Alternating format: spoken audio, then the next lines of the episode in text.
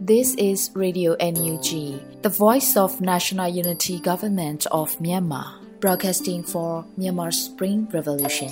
Radio NUG is transmitting from shortwave 16 meter 17.79 MHz at 8:30 a.m. and 25 meter 11.94 MHz at 8:30 p.m. Myanmar Standard Time. မင်္ဂလာပါရှင်။မြို့သားညီညွတ်ရေးအစိုးရရဲ့အတံလွှင့်ဌာန Radio NUG ကိုမနက်ပိုင်း၈နာရီခွဲမှာလိုင်းတူ16မီတာ19.89 MHz ညပိုင်း၈နာရီခွဲမှာလိုင်းတူ25မီတာ17.6 MHz တို့မှာဓာတ်ရိုက်ဖမ်းယူနိုင်စေနိုင်ပါတယ်ရှင်။မင်္ဂလာအပေါင်းနဲ့ပြည့်စုံကြပါစေ။အခုချိန်ကစပြီး Radio NUG အစီအစဉ်လေးကိုဓာတ်ရိုက်အတံလွှင့်ပေးနေပါပြီရှင်။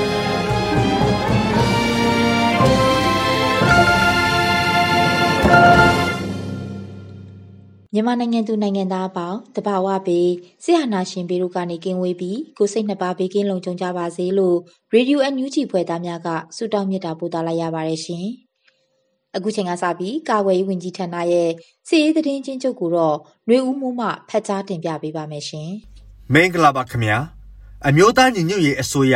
ကာကွယ်ရေးဝန်ကြီးဌာနမှထုတ်ဝေသောနေ့စဉ်စီရေးသတင်းအကျဉ်းချုပ်များကိုတင်ပြသွားမှာဖြစ်ပါတယ်။အေးသတင်းများကို ရေဒီယိုအန်ယူဂျီသတင်းတောင်ဝန်ခံတွေနဲ့ခိုင်လုံသောမိဖက်သတင်းရင်းမြစ်များမှပေါ်ပြလာသောအချက်အလက်များပေါ်အခြေခံပြုစုထားခြင်းဖြစ်ပါတယ်ခင်ဗျာပထမဆုံးအနေနဲ့စစ်ကောင်စီနဲ့တိုက်ပွဲဖြစ်ပွားမှုများကို တင်ပြသွားပါမယ်ကရင်နီကယားပြည်နယ်တွင်ဧပြီလ30ရက်နေ့နေ့လယ်2နာရီခန့်ကဒီမော့ဆိုမြို့နယ်ဒေါင်ငံခါကျေးရွာတွင် DMO PDF တပ်ဖွဲ့ပြူဟာ1 A B F J တက်ရင်အလဲပိုင်းတိုင်း1139နဲ့တက်ခွဲတချို့ KRU တို့နဲ့စစ်ကောင်စီတပ်များမိနစ်30ကြာရင်ဆိုင်တိုက်ပွဲဖြစ်ခဲ့ပြီးစစ်ကောင်စီဘက်မှ3ဦးသေဆုံးပြီး9ဦးခန့်ဒဏ်ရာရရှိကြောင်းသိရပါတယ်ခင်ဗျာချင်းပြည်နယ်တွင်ဧပြီလ30ရက်နေ့ကမတူပီမြို့နယ်မတူပီမြို့မှဆင်းလာသောစစ်ကောင်စီရင်တန်းနှင့် CDF မင်းတပ်တို့ 80တမိုင်တွင်တိုက်ပွဲဖြစ်ပွားခဲ့ပြီးစစ်ကောင်စီတပ်သား၄ဦးသေဆုံးပြီး3ဦးဒဏ်ရာရခဲ့ကြောင်းသိရပါတယ်ခင်ဗျာ။စကိုင်းတိုင်းတွင် မေလ၁ရက်နေ့မနက်7:00နာရီခန့်ကကလေးမြို့နယ်အရှိတ်စီးကျေးရွာတွင်စစ်ကောင်စီတပ်သားများပြူစောထီးများနှင့်ပြည်သူ့ကာကွယ်ရေးတပ်မတော်ကလေးခရိုင်ပြည်သူ့ကာကွယ်ရေးအဖွဲ့ကလေး CDF KKG RKDF ပူးပေါင်းတပ်ဖွဲ့တို့ ထိတွေ့တိုက်ပွဲဖြစ်ပွားခဲ့ရာစစ်ကောင်စီတပ်သားများကျေးရွာအတွင်းသို့ဝင်ရောက်စဉ်မိုင်းများနင်းမိကစစ်ကောင်စီတပ်သားများတေဆုံးမှုရှိခဲ့ပြီးဒဏ်ရာရရှိမှုများပြားခဲ့သည် မေလ၁ရက်နေ့နေ့လယ်တနာရီ45မိနစ်ခန့်ကမြောင်မြို့နယ်ဇရက်ကုံကျွာသို့ဥတီလာသောစစ်ကောင်စီစစ်ကြောင်းအား MRA အဖွဲ့မှ drone ဖြင့်ဘုံကျဲတိုက်ခတ်ခဲ့ရာစစ်ကောင်စီတပ်သား2ဦးသေဆုံးခဲ့သည် ဧပြီလ30ရက်နေ့ကချောင်းဦးမြို့နယ်ကြောက်စစ်ကန်ကျေးရွာနဲ့လက်ရမကျေးရွာကြားတွင်စစ်ကောင်စီတပ်သားတရားဦးခန့်နဲ့မြောင်မြို့နယ်ပြည်သူ့ကာကွယ်ရေးနှင့်လုံခြုံရေးအဖွဲ့ CDSOM ပြည်သူ့ကာကွယ်ရေးတပ်မတော်စကိုင်းခရိုင် PDF တရင်1နဲ့ MUA မြင်းမူ Silver Revolution Force CRF မြင်းမူ PDF တလုတ် MGN Ranger Burmese Guerrilla Force BGF မြောင်မြို့နယ် TGR ပြည်သူ့ကာကွယ်ရေးတပ်အမျိုးသမီးစစ်တီတော်တပ်ရင်မြောင် M2W နောင်ရိုးအထူးပြောက်ကြားတပ်ဖွဲ့2 Me Fighter တပ်ဖွဲ့6ဦးမြို့နယ်တော်လန်ရေးတပ်6ဦး Revolution Army တို့ပူးပေါင်းပြီးတိုက်ပွဲဖြစ်ပွားခဲ့ရာစစ်ကောင်စီတပ်သား3ဦးခန့်တေဆုံးခဲ့ပါတယ်ခင်ဗျာမန္တလေးတိုင်းတွင် မေလ၁ရက်နေ့မနက်9နာရီခန့်ကမြင်းချံမြို့နယ်ငတ်နန်ကျေးရွာအရှိတ်ဘက်ရှိကုန်းချံထဲတွင်တက်ဆွဲထားသောစစ်ကောင်စီများမိုင်းဆွဲတက်ခတ်ခံရကစစ်ကောင်စီတပ်သားတအူးတေဆုံးပြီးတအူးတန်ရာအပြင်းထန်ရခဲ့သည် မေလ၁ရက်နေ့မနက်9နာရီခန့်ကနထိုးကြီးမြို့နယ်ဝက်လူကျေးရွာတွင်ရေခတ်သွားနေသောစစ်ကောင်စီများအား NPDF အဖွဲ့မှမိုင်းဆွဲတိုက်ခတ်ခဲ့ရာနှစ်ဦးပွဲချင်းပြီးတေဆုံးပြီး ဒဏ်ရာရရှိသူများပြားခဲ့သည်အဆိုပါဒဏ်ရာရရှိသူများနှင့်အလောင်းများအားလာကောက်သည့်စစ်ကောင်စီကားနှစ်စီးမှလည်းထပ်မံမိုင်းဆွဲခံရပြီးတစည်းမှပျက်စီးကစစ်ကောင်စီတပ်သားများထိခိုက်ဒေဆုံးမှုများပြားခဲ့သည်မေလတရက်နေ့ကတောင်တာမြို့နယ်နဂါးပိုကျေးရွာနှင့်ကြီးပင်တဲကျေးရွာဖက်တွင်စစ်ကောင်စီကားသေးတစ်စီးနှင့်စိုက်ကယ်၃စီးတို့ဗဒေတာမိုင်းဖြင့်တိုက်ခတ်ခံရပြီးနောက်လူနာတင်ကားတစ်စီးနှင့် ဖော်ကားတစ်စီးစစ်ကောင်စီအင်အား15ဦးခန့်ဖြင့်ဒဏ်ရာရလူနာများကိုတည်ယူသွားခဲ့ပါတယ်ခင်ဗျာ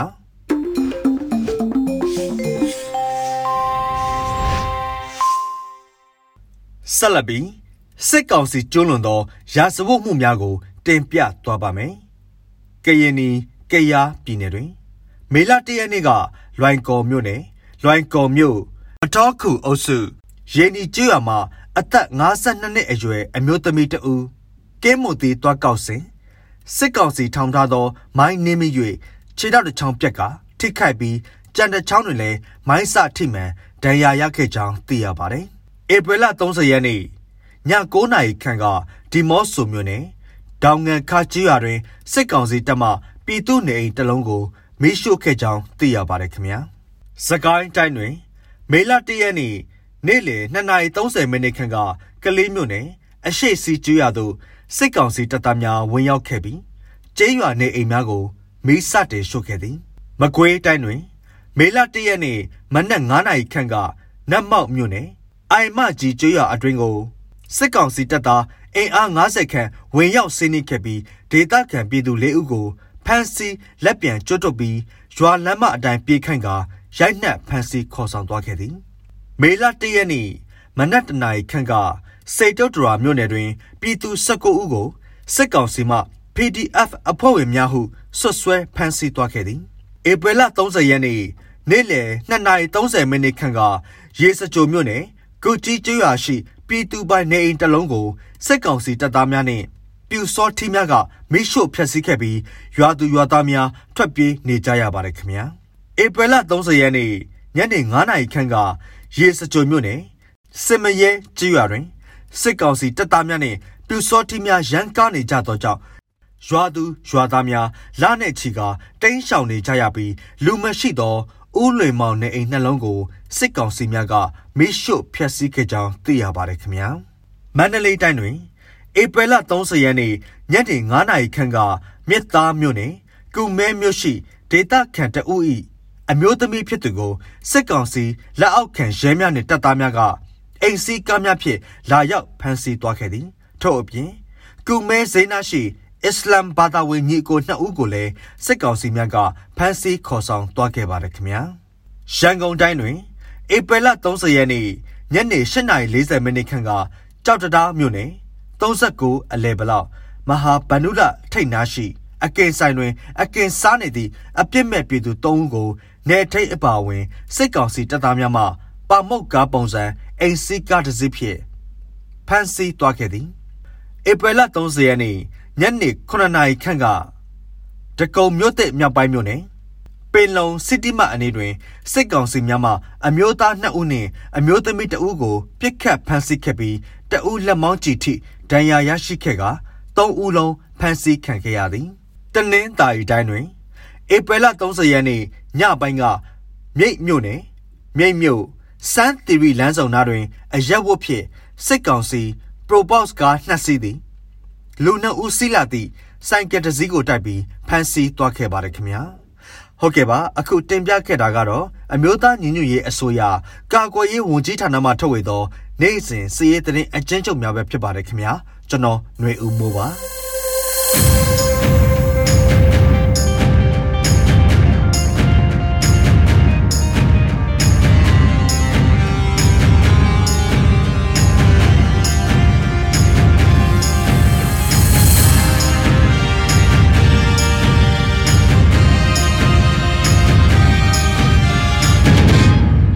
ရေဒီယိုအန်ယူဂျီရဲ့မနက်ခင်းစီစဉ်တွေကိုဆက်လက်တမ်းလွှင့်ပေးနေပါတယ်။အခုတစ်ခါနောက်ဆုံးရပြည်တွင်းသတင်းများကိုတော့ຫນွေဦးမိုင်မှဖတ်ကြားတင်ပြပေးပါမယ်ရှင်။မင်္ဂလာမနက်ခင်းပါရှင်။အခုချိန်ကစပြီးရေဒီယိုအန်ယူဂျီရဲ့မနက်ခင်းသတင်းများကိုဖတ်ကြားပေးပါတော့မယ် ဤသတင်းများကိုရေဒီယို UNG သတင်းတောင်ခါများနဲ့ခိုင်လုံသောမိဖက်သတင်းရင်းမြစ်များစီမှအခြေခံတင်ပြထားခြင်းဖြစ်ပါရဲ့ရှင်။ကျွန်မအຫນွေဦးမိုင်းပါ။ မဟာဗျူဟာရစစ်ကောင်စီအရေးနှိမ်နေပြီလို့ကာကွယ်ရေးဝန်ကြီးဦးရင်မွန်ဖွင့်ဟပြောကြားတဲ့သတင်းကိုဥစွာဖတ်ကြားပေးပါမယ်။မဟာဗျူဟာရစစ်ကောင်စီအရေးနှိမ်နေပြီလို့ကာကွယ်ရေးဝန်ကြီးဦးရင်မွန်ဖွင့်ဟပြောကြားလိုက်ပါတယ်။ကမ္ဘာလုံးဆိုင်ရာမြန်မာပြည်ဖွားများအစည်းအဝေးမေလ၁ရက်နေ့ကျင်းပရာမှာပြည်ထောင်စုဝန်ကြီးဦးရင်မွန်ကထည့်သွင်းပြောကြားခဲ့ပါတယ်။မဟာဗျူဟာပိုင်းအရာသူတို့အရေးနိုင်နေပြီဆိုတာစစ်ကောင်စီကောင်းကောင်းသိပါတယ်။ဘာကြောင့်လဲ ပြည်သူကိုရန်သူလိုသဘောထားပြီးတိုက်နေတဲ့စစ်ပွဲမျိုးဒါဘယ်သူမှနိုင်အောင်မတိုက်နိုင်ပါဘူး။မဟာဗျူဟာပိုင်းအရာကျွန်တော်တို့ပြည်သူတော်လှန်ရေးအင်အားစုတွေအသာစီးရနေပြီးမဟာဗျူဟာပိုင်းအရာစစ်ကောင်စီအရေးနေနေပြီဆိုတာသိချပါတယ်လို့ဝန်ကြီးကဆိုပါတယ်2021ခုနှစ်ဖေဖော်ဝါရီလ1ရက်နေ့မှာစစ်တပ်ဟာ2020ရွေးကောက်ပွဲရလက်အကြောင်းပြလို့နိုင်ငံတော်အာဏာကိုသိမ်းယူခဲ့ပါတယ်။အခုဆိုရင်စစ်ကောင်စီဟာစောက်တီရမရဖြစ်လာတယ်။ ထွက်ပေါက်မျိုးမျိုးရှာတော့တယ်။အလော30တောင်တိုင်းသားအဖွဲ့တွေကိုသူကိုယ်တိုင်တွေ့ပါမယ်လို့အာနာသိန်းစစ်ကောင်းဆောင်ဟာထွက်ပေါက်ရှာလာတယ်။သူ့အတွက်ထွက်ပေါက်တစ်ခုတည်းကတော့ပြည်သူအာဏာပြည်သူပြန်အပ်ဖို့ပါပဲပြည်သူအာဏာပြည်သူထံပြန်လည်မအပ်နှင်းသမျှအခုစစ်အာဏာရှင်တွေအတွက်ဘယ်လိုထွက်ပေါက်မျိုးမှမရှိဘူးလို့ကာကွယ်ရေးဝန်ကြီးဦးရင်မွန်ကထပ်မံဆိုပါတယ်လက်ရှိမှာစစ်ကောင်စီတပ်များဟာစကိုင်းမကွေးနဲ့ကရင်နီဒေသကရင်ပြည်နယ်ချင်းပြည်နယ်တို့မှာ အထိနာကြဆုံးလက်ရှိနေပါတယ်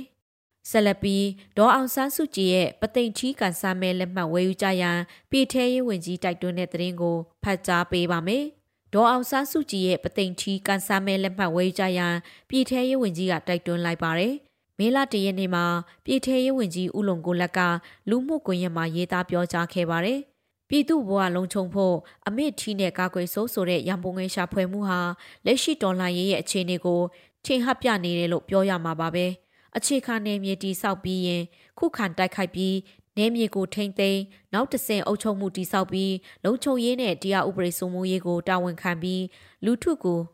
လူမှုစီးပွားဘဝလုံခြုံမှုရှိအောင် အကာအကွယ်ပေးကြရပါတယ်။လက်ရှိအခြေအနေထိတိုင်းသားအားလုံးရဲ့ပူးပေါင်းမှုနဲ့မြို့နယ်36မြို့နယ်မှာမြို့ကြီးတွေကလွဲပြီးကြေးလက်တွေအားလုံးကိုတော်တော်ထိန်းချုပ်ထားနိုင်ခဲ့ပါပြီ။ ထိန်းချုပ်ထားတဲ့မြို့နယ်တွေကိုဆက်လက်ထိန်းချုပ်ကာကွယ်ရေးကအင်မတန်အရေးကြီးပါတယ်။စစ်ရေးအရာကာကွယ်မှုအစီအမံနဲ့ဆက်ပြီးကာကွယ်ထားရမယ်။အမေထီရံပုံငွေဟာထိမ့်ချုပ်မှုနဲ့အုပ်ချုပ်မှုအတွက်အင်အားတရဖြစ်စေအောင်မယ်လို့ယုံကြည်ပါတယ်။ဒါကြောင့်လက်မှတ်ဝယ်ဖြစ်အောင်ဝယ်ပြီးတော်လှန်ရေးမှာဆက်ပါဝင်ရင်အမေထီကိုလည်းကံကောင်းသူမျက်နှိုးစွာပိုင်ဆိုင်ခွင့်ရပါစေလို့ဝန်ကြီးကဆိုပါတယ်။ဧပြီလ29ရက်နေ့ကစတင်ကဒေါ်အောင်ဆန်းစုကြည်ရဲ့ ပသိမ်ထီမဲလက်မှတ်များကိုတဆောင်းလင်းအမေရိကန်ဒေါ်လာ30နဲ့စတင်ရောင်းချခဲ့ပါတယ်။အဆိုပါကန်စားမဲ့လက်မှတ်ကိုစောင့်ရတသိန်းထိရောင်းချသွားမှာဖြစ်ကမဲလက်မှတ်ရောင်းချရငွေများကိုစိုးမိုးထိန်းချုပ်နိုင်တဲ့နေမြေများအတွက်အပါအဝင်တော်လှန်ရေးအင်အားစုများကိုထောက်ပံ့ပေးဖို့သွားမှာဖြစ်ပါတယ်ရှင်။ကံဘအလုတ်သမားနေ့မှာစစ်ဘေးရှောင်ကိုဝင်တဲ့အမျိုးသမီးနှုတ်ကိုကဏီစေးအဖွဲ့ကအောင်မြင်စွာမွေးဖွားပေးနိုင်ခဲ့တဲ့တဲ့ရင်ကိုဆက်လက်ဖတ်ကြားပေးပါမယ်။ ကံဘအလုတ်သမားနေ့မှာစစ်ဘေးရှောင်ကိုဝင်တဲ့အမျိုးသမီးနှုတ်ကိုကဏီစေးအဖွဲ့ကအောင်မြင်စွာမွေးဖွားပေးနိုင်ခဲ့ပါတယ်။မေလတရက်နေ့မှာမနေ့ပိုင်းတယောက်မွေးဖွားပေးခဲ့ပြီးဒုတိယတယောက်ကိုခွဲစိတ်မွေးဖွားနိုင်ခဲ့တယ်လို့ Township Medical Department ကနေကထုတ်ပြန်ပါတယ်။နေတာသော Sunday May Day အမှတ်တရကျွန်တော်တို့ CMN ကနေ base မှာမနေ့စောစော NSVD တယောက်မွေးဖွားပေးပါတယ်။နေကောင်းကျမ်းမာတဲ့သမီးလေးပါကျွန်တော်တို့ TMD ကနေတာဝန်ခံဆရာဝန်မှ ဤကရီမေးလို့ကလေးကိုနာမည်မှိတ်ပေးခဲ့ပါတယ်။ဒုတိယကလေးအနေနဲ့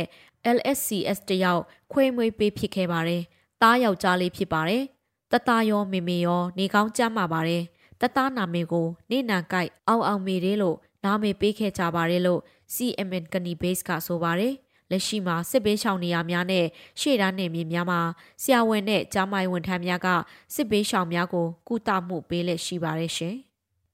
ဆက်လက်ပြီးပဲခူးတိုင်းကိုအုပ်ချုပ်မှုနယ်မြေဖြစ် KNU နဲ့ညှိနှိုင်းဆောင်ရွက်နေတယ်လို့ပြည်ထဲဝင်ကြီးအတိပေးပြောကြားတဲ့သတင်းကိုဖတ်ကြားပါမယ်။ပဲခူးတိုင်းကိုအုပ်ချုပ်မှုနယ်မြေဖြစ် KNU နဲ့ညှိနှိုင်းဆောင်ရွက်နေတယ်လို့ပြည်ထဲရေးဝန်ကြီးအတိပေးပြောကြားလိုက်ပါတယ်။ကမ္ဘာလုံးဆိုင်ရာမြန်မာပြည်ဖွားများအစည်းအဝေးမေလတရက်နေ့ကျင်းပရာမှာပြည်ထောင်စုဝန်ကြီးဦးလွန်ကိုလက်ကပြောကြားခဲ့ပါတယ်။အခုဆိုရင်ကျွန်တော်တို့စကိုင်းတိုင်းမကွေးတိုင်းတိတ်အားကောင်းတယ် 36မြို့နယ်လောက်ကိုကောင်းကောင်းထိန်းထားနိုင်နေပြီးအဲ့ဒီမှာ36မြို့နယ်တင်မဟုတ်ပဲအုပ်ချုပ်မှုနယ်မြေထပ်တိုးချဲတာရောဖိအားတစ်ခုနီးနာတစ်ခုအနေနဲ့ရောဒုတိယရွေးချယ်လိုက်တာပဲခူးတိုင်းဖြစ်ပါတယ်ဒီပဲခူးတိုင်းကိုအုပ်ချုပ်မှုနယ်မြေအဖြစ်ဆောင်ရွက်နေတဲ့ EAO တွေကစကောင်းကောင်းကြည်နိုင်ထားပြီးဖြစ်တယ် KNU နဲ့ကျွန်တော်တို့နဲ့ကခိုင်မာတဲ့စစ်ရေးနိုင်ငံရေးစစ်ဆန်မှုကရှိသွားပြီဖြစ်တဲ့အတွက်ပဲခူးတိုင်းကိစ္စကိုကျွန်တော်တို့သေချာပြင်ဆင်နေတယ်လို့ဝန်ကြီးကဆိုပါတယ်စစ်ကောင်စီတပ်များကိုခုခံတော်လှန်ရန်2021ခုနှစ်စက်တင်ဘာလ9ရက်နေ့မှာနိုင်ငံတော်ကိုအရေးပေါ်အခြေအနေကြေညာခဲ့ပါတယ်။လက်ရှိမှာစကိုင်းတိုင်းအတွင်း pilot project အနေနဲ့စိုးမိုးထိန်ချုပ်နေမြေကိုမြို့နယ်တွင် အုပ်ချုပ်ရေးကာကွယ်ရေးတရားစီရင်ရေးနဲ့ကြားကာလပညာသင်ကြားရေးလုပ်ငန်းများစတင်နေပြီဖြစ်ပါတယ်ရှင်။ဆက်လက်ပြီးကရင်နီအမျိုးသားများကာကွယ်ရေးတပ် KNDF တပ်ရင်းသုံးကမှာယူထားတဲ့လက်နက်များရရှိတဲ့တဲ့ရင်ကိုဆက်လက်ဖတ်ကြားပါမယ်။ကရင်နီအမျိုးသားများကာကွယ်ရေးတပ် KNDF တပ်ရင်းသုံးက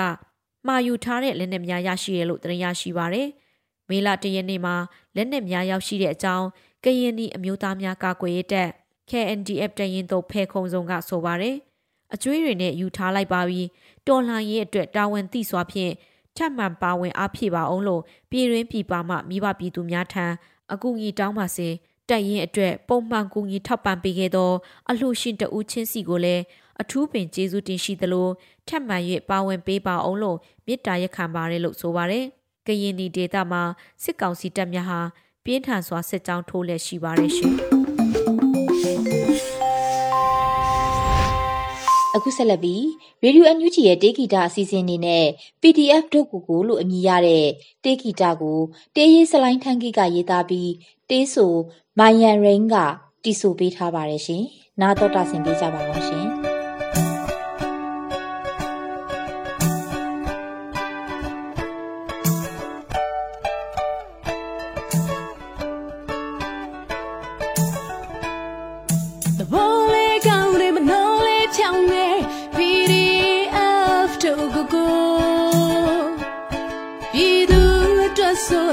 appreciate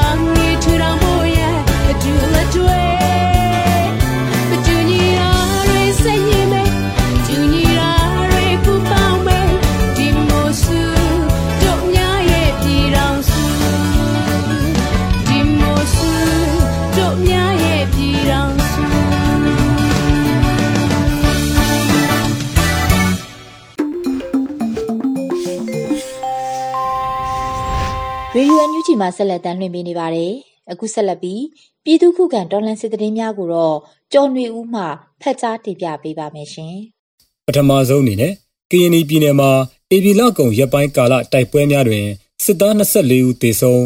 လောပိဒရေရှန်ထိန်လုံခြုံရေးရဲကင်းမှရဲရှိဦးကိုအရှင်ဖမ်းမိပြီးတနက်ရှစ်လက်နဲ့ကြည်စံများရရှိတဲ့တဲ့တင်တင်ဆက်ပါမယ်။ကရင်ပြည်နယ်မှာအေဗီလနောက်ဆုံးတစ်ပတ်အတွင်းအကြမ်းဖက်စစ်ကောင်စီတပ်နဲ့ကရင်ပူးပေါင်းတပ်ဖွဲ့ကြား ဒီမော့ဆိုနဲ့ဖရူဆိုမြို့နယ်များ၌တိုက်ပွဲများဖြစ်ပွားပြီးစစ်သား24ဦးသေဆုံးကြောင်းလွိုက်ကော်မြို့နယ်လော်ပီတာရေရှန်ထိန်လုံခြုံရေးရဲကင်းမှရဲရှိဦးကိုလက်နက်များနှင့်အတူဖမ်းဆီးနိုင်ခဲ့ကြောင်းကရင်အမျိုးသားများကာကွယ်ရေးတပ် KNDF ကသတင်းထုတ်ပြန်ပါတယ်။ဒီမော့ဆိုမြို့နယ်မှာအေဗီလာနောက်ဆုံးတစ်ပတ်၌စစ်ကောင်စီတပ်ဖွဲ့နဲ့ကရင်ပူးပေါင်းတပ်ဖွဲ့ကြားနေ့စဉ်နဲ့အမျှတိုက်ပွဲဖြစ်ပွားနေပြီးဒေါကမီတိုက်ပွဲမှာ KNDF ရဲဘော်2ဦးကြာဆုံးခဲ့ကြောင်းသိရှိရပါတယ်။အကြမ်းဖက်စစ်ကောင်စီတပ်များဟာ ဖရူဆိုမြို့နယ်ထားလဲမှဘောလခဲမြို့နယ်နန်းဖဲဘက်သို့ထိုးဖောက်နိုင်ရန်စစ်ကြောင်းထိုးလျက်ရှိကြောင်းရှမ်းပြည်နယ်တောင်ပိုင်းပင်လောင်းမြို့နယ်မှကရင်ပြည်နယ်သို့စစ်ကား30စီးပါရင်တန်းဖြင့်အင်အားဖြည့်တင်းလျက်ရှိကြောင်း KNDF ကဆိုပါတယ်။ AB လ29ရက်မှာလော်ပိဒရေရှန်ထိန်လုံခြုံရေးရဲကင်းကိုကရင်တပ်မတော် KA နဲ့ KNDF တပ်ဖွဲ့ဝင်များကအလစ်ဝင်စီးခဲ့ပြီးလုံခြုံရေးရဲရှစ်ဦးကိုလက်နက်ရှစ်လက်ကြီးစံများနဲ့အတူလူကုန်တိတ်ခါနေညီဖမ်းဆီးထိန်သိမ်းထားပြီးအရေးယူဆောင်ရွက်နိုင်ရန်အတွက်ကရင်ပြည်ရဲဌာန KSP တို့လွှဲအပ်ထားကြောင်းသိရှိရပါတယ်။ဒီမွန်ဆိုမြို့နယ်ကုန်းသာဒေါငံခါနဲ့ခောက်ပလော့ရက်ကွက်များမှာတက်ဆွဲထားတဲ့စစ်ကောင်စီတပ်များကိုကရင်ပူးပေါင်းတပ်များကတိုက်ခိုက်နေပြီးယနေ့အထိတိုက်ပွဲများဆက်လက်ဖြစ်ပွားနေကြောင်း KNDF ကထုတ်ပြန်ထားပါတယ်။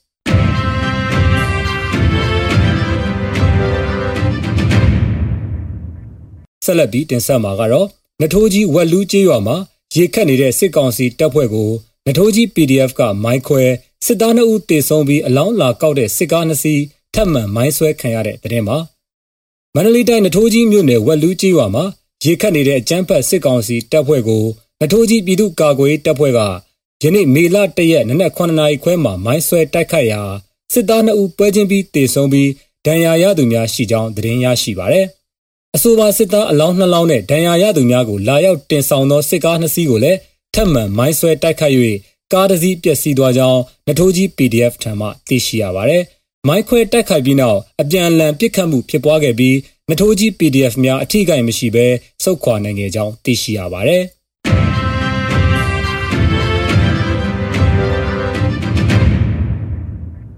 တောင်ငူမှာစစ်ကြောင်းမိုင်းဆွဲခံရပြီးစစ်သားရှိဦးတေဆုံးတဲ့တဲ့တင်ဆက်လက်တင်ဆက်ပါမယ်။ပဲခူးတိုင်းတောင်ငူမြို့နယ်စမိုးလန်နီးမှာ AB 30ရက်နေ့ညနေ6နာရီဝန်းကျင်ခန့်၌အင်အား30ခန့်ပါအကြမ်းဖက်စစ်ကောင်စီစစ်ကြောင်းကိုတောင်ငူခရိုင် PDF တပ်ရင်း3931တက်ခွဲ3မှမိုင်းဆွဲတိုက်ခိုက်ခဲ့ပြီးစစ်သား8ဦးသေဆုံးခဲ့ကြောင်း PDF တပ်ဖွဲ့ထံမှသိရတာပါ။ AB 29ရက်နနက်9နာရီခန့်ကလည်းတောင်ငူမြို့နယ်ဝက်ခောက်စိန်ကြေးရွာအုပ်စု များရွာအနီးရှိ PDF တပ်ဖွဲ့ဝင်များအားအကြမ်းဖက်စစ်ကောင်စီကအင်အားသုံးလာရောက်တိုက်ခိုက်ခဲ့ပြီးနောက်များရွာအတွင်းလက်နက်ကြီးများဖြင့်ပစ်ခတ်ခဲ့တာကြောင့်ဒေသခံပြည်သူ200ကျော်ထွက်ပြေးတိမ်းရှောင်နေရပြီးစားနပ်ရိက္ခာနဲ့ဆေးဝါးများအရေးပေါ်လိုအပ်လျက်ရှိကြောင်းသိရပါဗျ။